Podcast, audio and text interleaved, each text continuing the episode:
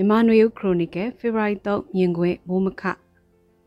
စေအုပ်ချိုရေးကဘာရီထူကြမလဲလို့အမည်ပေးထားတဲ့မိုးမခသတင်းမြင်ကွင်းစောင်းမလေးကိုဖတ်ကြားပေးမှာဖြစ်ပါတယ်ရှင်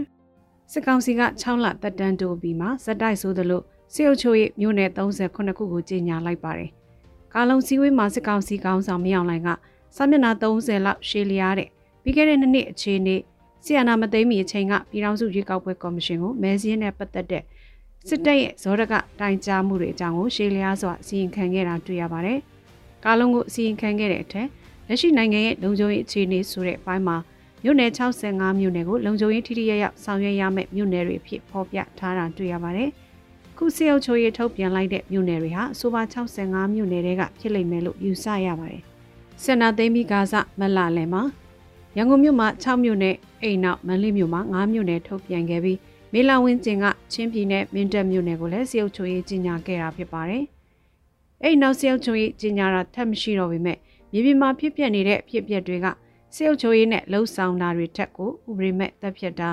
ဖမ်းဆီးတာနှိပ်စက်တာတွေလှုပ်ဆောင်နေတာဖြစ်ပါတယ်။ထပ်မဖော်ပြထားတဲ့လွန်ခဲ့တဲ့နှစ်နှစ်အတွင်းစေအုပ်ချုပ်ရေးကြီးညာထားတဲ့မြို့နယ်တရားစင်ကျော်မှာဘာတွေထူးခြားလဲဆိုတာပြန်သုံးသပ်ကြည့်ရင်နိုင်ငံရေးလှုံ့ဆော်မှုလက်နက်ကိုင်းတိုက်ခိုက်မှုစတာတွေနဲ့ပတ်သက်ဖြစ်ပွားတဲ့အမှုခင်းတွေကို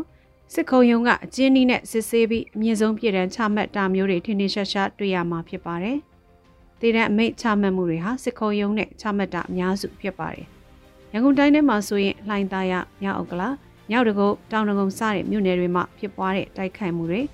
ဒလန်လို့ဆွဆွဲတက်ဖြတ်မှုတွေနဲ့ဆွဲဆိုပြီးတည်တံချမှတ်ခဲ့တဲ့အမှုတွေအများအပြားကစစ်ခုံရုံးကချမှတ်ခဲ့တာတွေဖြစ်ပါတယ်။စစ်တပ်ကစေအုပ်ချုပ်ရေးကြီးညာပြီးရင်လုံရုပ်လှုပ်စင်ရ စစ်ခုံရုံးကစီရင်ခွင့်ရှိတဲ့ဥပဒေပုံမှန်မျိုးစား23မျိုးကိုကြီးညာက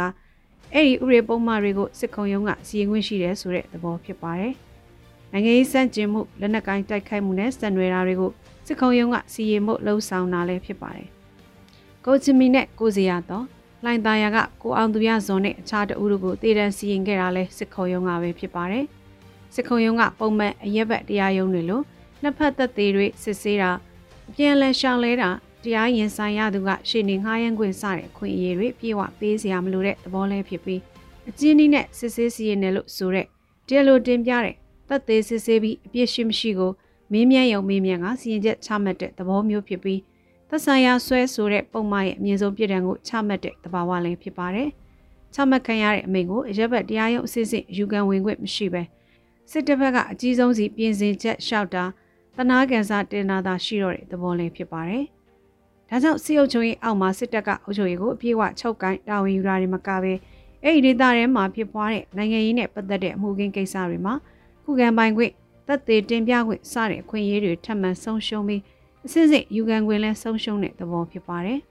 ။ဒီလိုဆိုလို့ခုလဲပဲစစ်ဖြစ်ပွားရာနေရာတွေမှာစစ်ကြောင်းထိုးတဲ့အခါကြေးရွာတွေမှာတက်ချင်းတက်နေတာဖမ်းကျင်ရင်ဖမ်းနေတာတွေရှိနေပြီဖြစ်လို့ပို့ထူးမလာဘူးမဟုတ်လားလို့ဇောရကတက်ကောင်းတက်နိုင်ပါတယ်။ စကိုင်းမှာကရမှာမကွေးတိုင်းထပ်ပိုင်းတို့မှာတက်ချင်တက်နေတဲ့အနေအထားဖြစ်လို့မထူးဘူးဆိုတာလဲတိုင်းတာတစ်ခုအထိမှန်ပေမဲ့စေုပ်ချိုရေးနောက်မှာပိုပြီးတရားလက်လွတ်လုတ်ခွင့်ပေးထားတယ်လို့ဖြစ်စေလိမ့်မယ်ဆိုတာကိုရှင်းလင်းပြထားတဲ့သဘောလေးဖြစ်ပါတယ်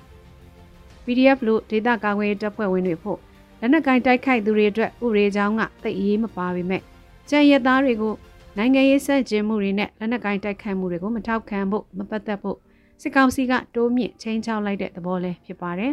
။ပါဝင်ပတ်သက်မှုထောက်ခံမှုနှင်းငယ်မြရှိုံနဲ့အမြင့်ဆုံးပြည်တံကိုချမှတ်မယ်ဆိုတဲ့သတင်းစကားမျိုးလို့လည်းယူဆရပါတယ်ရှင်။